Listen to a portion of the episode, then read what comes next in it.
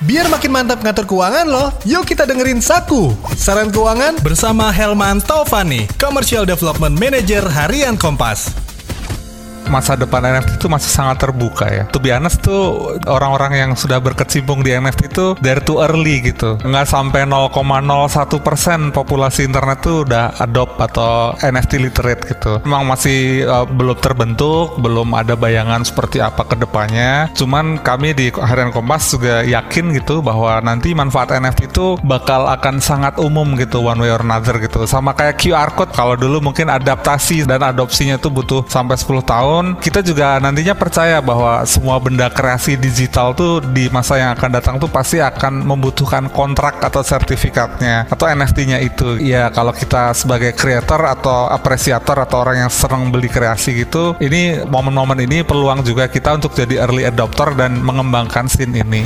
Itu dia Saku, saran keuangan. Dengerin terus Saku saran keuangan lainnya hanya di Motion 975 FM.